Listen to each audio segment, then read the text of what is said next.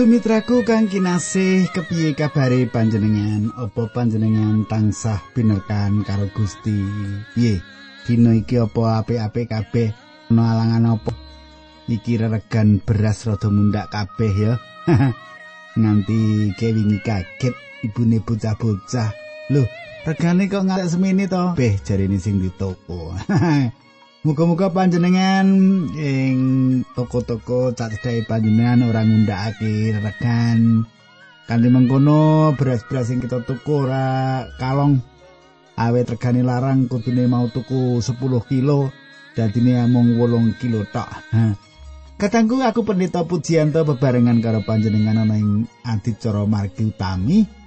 Adicara kang dadi kelangenan panjenengan lan panjenengan tunggu-tunggu Ayo panjenengan nyerah aku kini sugeng midhangetake adicara iki.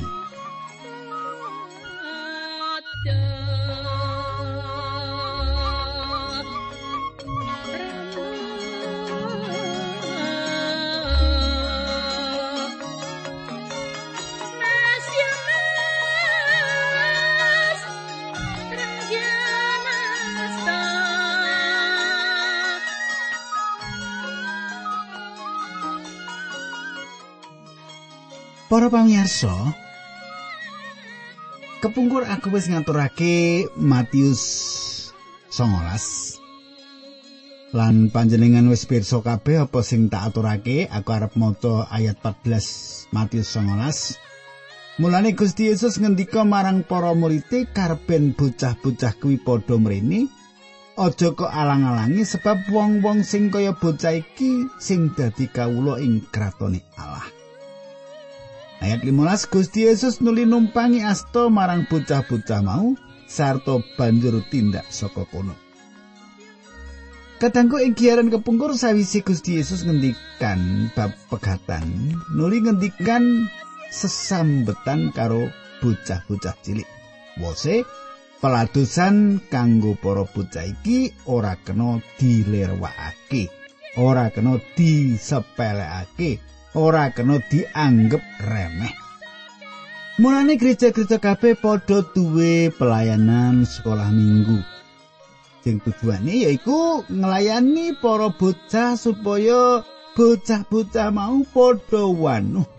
Bocah-bocah mau gelem percaya marang panjenengane Gusti Yesus. Nah, katangku saturunge tak teruske kita ndedonga dhisik. Iki ana layang saka Pak Marto Atmojo. Nggih serat panjenengan panjang lebar Pak. Nggih ngantos fotokopi sidang klasis ugi. Kula saged mangertos. Wah kula sangat prihatin. Lan kita kedan tetunggu supados gereja-gereja saindenging Nusantara gereja Jawi gereja menapa kemawon menika menawi wonten permasalahan-permasalahan saged dipun rampungaken kanthi katresnanipun Gusti. Nah kadang kula monggo kita ndedonga sesarengan. Duh Kanjeng Rama ing swarga kawula ngaturaken bumi panuwun menawi wekdal menika kawula saged tetunggilan kalian sedherek-sedherek kawula ingkang setya tuhu midhangetaken adicara menika. Kawula nyuwun supados Gusti berkahi adicara menika lan saged dados tuntunan ing lampah gesang para pesamuan pasuko. Dinambaran asmanipun Gusti Yesus Kristus kawulan tunggu. Haleluya. Amin.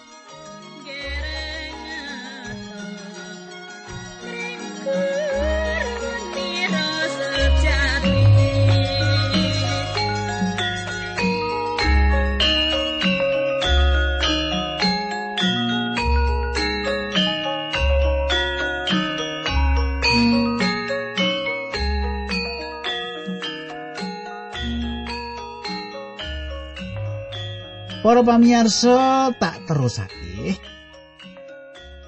Aku arep maca bab 19 ayat 16 nganti 17 panjenengan sumakan dipermati. Ing sawijining dina ana wong nom-noman sowane ngarsane Gusti Yesus matur mangkene. Guru, supados saged pikantuk gesang langgeng kula kedah nglampahi pendamel sae menapa? Pangandikane Gusti Yesus, apa sebabe kowe takon marang aku bab apa sing becik mung siji sing becik ya kuwi Gusti Allah. Ewadine yen kowe kepengin oleh urip langgeng, kowe kudu netepi sakaing angger-anggere Gusti Allah. Mekaten turasanipun ayat 16 lan 17 Matius 19. Coba panjenengan gatekake wong nom-noman anggone sowan marang Gusti Yesus iki. Dheweke ngakoni yen Gusti Yesus iki guru. Guru wong sing becik seneng memulang bab kautaman. Malah para parisi lan saduki ora tahu padha ngakoni kabecikane Gusti Yesus. Malah kepara golek lupute wong-wong iku. Banjur kepriye? Paring dawa apa Gusti Yesus bab apa sing becik marang nonoman mau? Mung siji sing becik ya kuwi Gusti Allah mung siji sing becik ya kuwi Gusti Allah. Yen nom-noman mau meratelake matur yen Gusti Yesus iku guru sing memulang kautaman. Sanyatane pancen panjenengane iku Allah sejati Allah pribadi. Pikiran lan tinemune nom-noman mau diarahake supaya pracaya marang panjenengane percaya marang panjenengane percaya marang panjenengan yen Gusti Yesus iku Mesias. Dadi dudu guru sing sakbaene guru. Guru sing utama, sing perso landesan-landesan, sing perso angger-angger kaya ngopo tumindak becik iku. Saiki ayat 18. Unjuke wong mau. Angger-angger ingkang pundi wangsulane Gusti Yesus kowe aja memateni kowe aja laku jina kowe aja nyenyolong kowe aja ngucapake pasek sigara ayat 19 kowe ngajenono bapa biyungmu lan tresno marang sak pepadamu kaya nggonmu tresno marang awakmu dhewe. Ayat 20 atur wangsulane nom-noman mau. Sedaya angger-angger menika sampun kula tetepi tasih kirang menapa malih. Kadangku ngidap-idapi wong nom-noman iki. Nom-noman iki nglakoni kabeh sing dingendikake Gusti Yesus. Kowe aja memateni, kowe aja laku jina, kowe aja nyenyolong, kowe aja ngucapake paksesi karo kowe ngajenono bapa piyungmu. ngajenono bapa piyungmu tresno marang sapepadamu sedaya angger-angger. Menika sampun kula tetepi tasih kirang menapa malih? Gusti? Luar biasa. Luar biasa. Nom-noman mau wis nglakoni. Iku mau kabeh senajan ana perangan-perangan urip sing manungsa durung dilakoni. Mula Gusti Yesus ngarahake nom-noman mau kapriye becike nggone gegayutan karo panjenengane Allah. Matius likur. Matius 19 ayat selikur. Pangandikane Gusti Yesus yen kowe kepingin sembarang darbekmu dolen kabeh. Pepayone wenehno marang wong teman kowe bakal oleh bondo ing swarga sawise kuwi mreneo. melu aku. Yen kepingin sempurna uripe kudu dadi manungsa sing wutuh. Lirik kudu duwe kekayutan sesambungan sing becik karo sak pepadani. Lan kekayutan becik uga karo Gusti Allah. Nere opo sak kersane Allah? Mreneo melu nderek Gusti tegese uga gelem ana sangi sore salipe Gusti. Nanging ana siji alangane ya iku donya branane. Matius 19 ayat 13 Bareng krungu pangandika mengkono Nom-noman mau banjur mundur kelawan sedih merga wong mau sugih banget. Kadangku, duit raja brana bisa dadi alangan kanggo cedhak karo Gusti Yesus. Ora mung kuwi isihake meneh alangan-alangan sing bisa dadi jalaran angel cecedhakan karo Gusti Yesus dosa sing ditutup-tutupi utawa dosa sing wis diakoni tanpa pamratobat bisa dadi jalaran ora kepengin cedhak karo sih lan katresnane Allah. Apa panjenengan uga aku duwe ganjelan kanthi mengkono ora bisa katrem, ora bisa kerasan, ora bisa tenang ing wewengkone Allah. Saiki ayat 23. Gusti Yesus nuli ngendika marang para murid-e kowe padha ndak kandhani. Ebo angele wong sugih dadi kawula ana ing kratoning Allah. Ayat 24. Ndak ambali meneh kandhaku luwih gampang unta mlebu ing bolonganing tom. Tinimbang karo wong sugih dadi umat ana ing kratoning Allah. Katangku, wong sugih sing marang Allah lan pakaryani digambarake kaya unta sing kepengin mlebu bolongane dom. Mesti ora bisa. Gusti ngagem pasemon iki sak nyatani. Unta ora bisa mlebu bolongane dom. Nanging ora mukayan Allah ngersakake Allah nglilani unta bisa kelakon mlebu bolongane dom. Iki gambarane wong sing wis dilairake meneh saka panguasane Roh Suci nuli kelilan dadi wargane kraton swarga. Ake wong sing nganggep yen lelabetane gedhe, jiwa sosiali gedhe, pangkate gedhe, wong-wong sing mengkono kuwi bakal duwe hak kanggo mlebu kratoning swarga. Iki pikirane menungso. Pikiran menungso nanging yen Gusti Allah yaiku maringi hak kraton swarga marang wong sing ngaku dosane rumangsa ringke ing ngarsane Allah. Rumangsa ora bisa tumindak apa-apa minangka pisungsung kagem Allah supaya etuk kawilujengan samangsa manungsa isih duwe kekuatan kanggo etuk nampa kawilujengane saka Allah sanyatane Gusti Allah.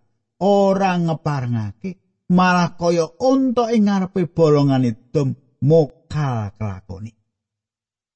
Samangsa manungsa isih duwe rumangsa duwe kekuatan nampa kawilujengane Gusti Allah wong iku ora bakal mlebu kraton ing swarga. Matius 20 Matius 19 ayat 20 Bareng krungu pangandika mau, para murid Gusti Yesus padha gumun banget banjur padha rasanan yen mengkono sapa wong sing bisa slamet coba panjenengan gatosake apa jawabane Gusti Yesus? Panjenengan semak. Matius 19 ayat 6 Gusti Yesus nuli mirsani marang para murid sarta ngendika tumraping menungso perkara kuwi mokal nanging tumrape Gusti Allah ora ana barang sing mokal kadang kanthi tangan sing kotong masrahake urip lan sumende sakwutuhe marang kanugrahane Allah. Kita kabeh dadi calon sing bisa marisi kratone kaswargan Matius 19 ayat 17 Petrus tumuli matur marang Gusti Yesus. Kawula sedaya sampun sami ninar samukawis nonton derek panjenengan kawula sami badhe yang sami menapa katengku kaya-kaya Petrus lagi mitambuh. Etok-etok ora ngerti marang apa sing dikendikake Gusti? Sing tundone marang ada dasar egoistis sipate kumengsun mikir awake dhewe. Coba ayat 28 Matius 19 pangandikane Gusti Yesus. Kowe padha ndak kandhani besok ing jaman wekasan putrane menungso bakal lenggah ing dampar kamulyan. Ing wektu kuwi kowe sing wis padha nderek aku ya bakal linggih ing dampar sarta ngadili taler Israel rolas Katangku Gusti ora paring wangsulan marang pitakone Petrus nanging malah njelasake apa sing bakal ditampa kadidene kanugrahan gedhe saka peparingi Allah. Lah kanugrahan gedhe iku sing jurung saben kita wong pracaya kanggo makarya lelados maring Gusti. Matius 19 ayat 29 nganti 30.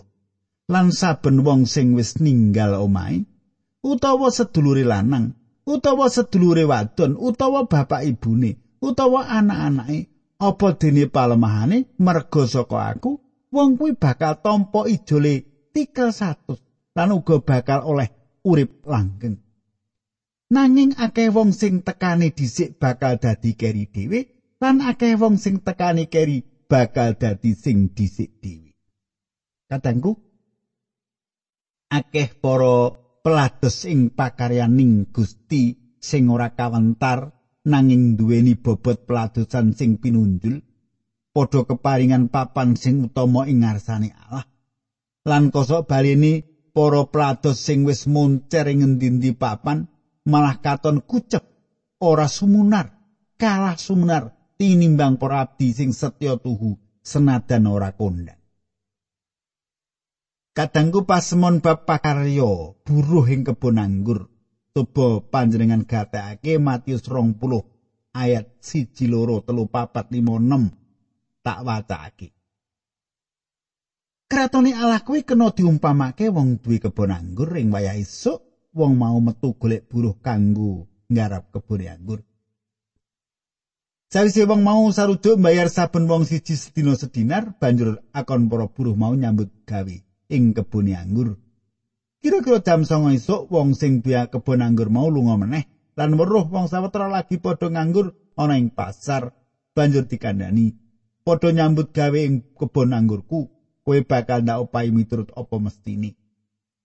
Wong-wong mau uga tumuli mangkat kira-kira jam rolas lan jam telu awan wong sing duwe kebon anggur mau lunga meneh lan nindakake kaya ing ngarep mau. Kira-kira jam 5 sore wong mau lunga meneh lan weruh wong-wong sing padha nganggur banjur padha ditakoni, "Ya kene padha nganggur nang kene sedina muput." Kadangku Pasemon iki ana gandengane karo pasemon sadurunging gegayutan sing wiwitan dadi pungkasan lan sing pungkasan bisa dadi wiwitan ing kene dicethakake bab wektu nggone padha nyambut gawe jam rolas iku tengah dina lan jam telu iku wayahe sore. Ayat 6. Matius 20 ayat 6 pitu wolu lan songo. Kira-kira jam 5 sore wong mau lunga meneh lan weruh wong-wong sing uga padha nganggur banjur padha ditakoni. Ya kene padha nganggur ana ing kene sedina muput. Wangsulane sing padha ditakoni awit mboten wonten tiyang ingkang nyukani pedamelan. Yen mengkono kowe padha nyambuta gawe ing kebonku anggur ujare sing duwe kebon.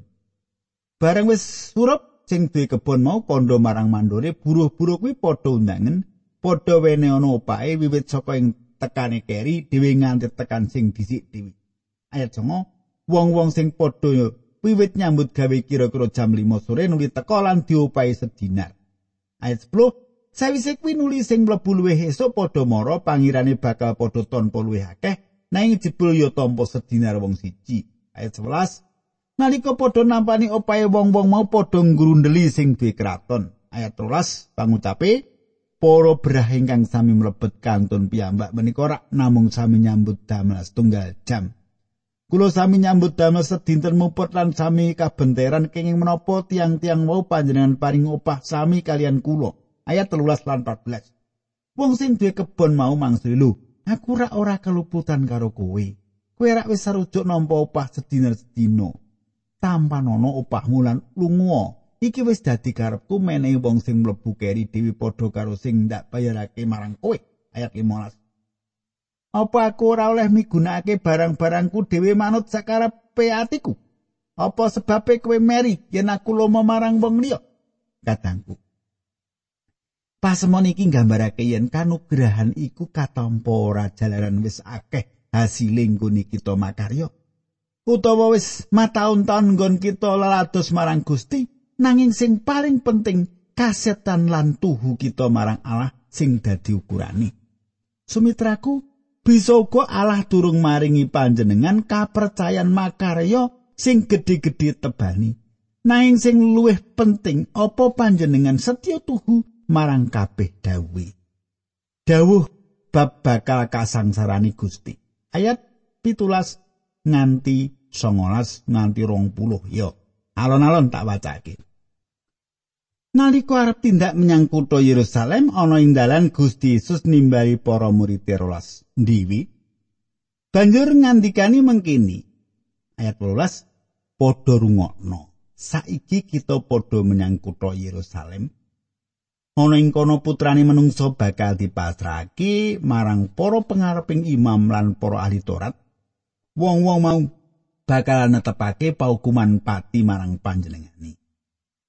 kadangku kanthi trawata kanthi cetha Gusti ngendikake kanthi runtut apa sing arep disarirani apa sing arep dilakoni Matius 20 ayat 19 sawise kuwi wong-wong mau bakal masrahke panjenengani marang wong-wong dudu Yahudi supaya dipoyoki lan dipetuti banjur disalib.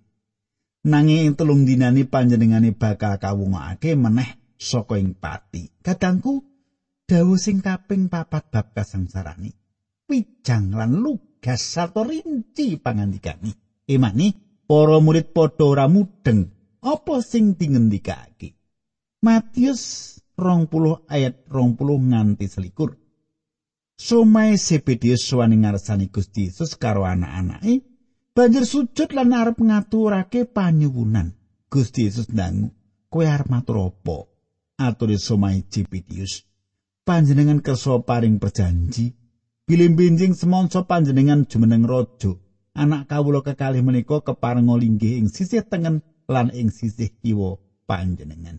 Kadangku dawuh bab kesengsarane Gusti ora nyurutake kekarepane menungso kanggo entuk kalungguhan bojone Jepedius nyuwun kalungguhan marang Gusti Yesus ing besuke ayat 23 nganti 23 Gusti Yesus ngendika, kowe kuwi padha ora ngerti apa sing kok suwun. Apa kowe wani ngombe saka tuwung sing kudu ndak umbi? Wangsulane sing padha ketanggu, inggih wantun. Gusti Yesus tumli ngendika pancen, kowe ya bakal padha ngombe saka tuwung sing bakal ndak umbi. Nanging bab sapa sing bakal lungguh ing sisih tengen lan ing sisih kiwaku, kuwi aku ora wenang netepake kuwi bakal kaparingake marang wong-wong sing wis dipilih dening ramaku. Kadang kula kadering saka kekarepane ati asring manungsa ora duga-duga tumindake asring panjenengan lan aku duwe pengalaman sing memper karo kahanan iki nah kadangku semene dhisik aturku muga panjenengan kaberkahan nganti pepanggihan maneh ing dina candhake nuwun ayo kita ndedonga. Duh Kanjeng Rama ing swarga kawula ngaturaken kuing panuwun menawi wekdal menika kawula saged tetunggilan lan kawula saged nyinau pangandikan patuko linambaran asmanipun Gusti kawula Yesus Kristus kawula ndedonga. Haleluya. Amin.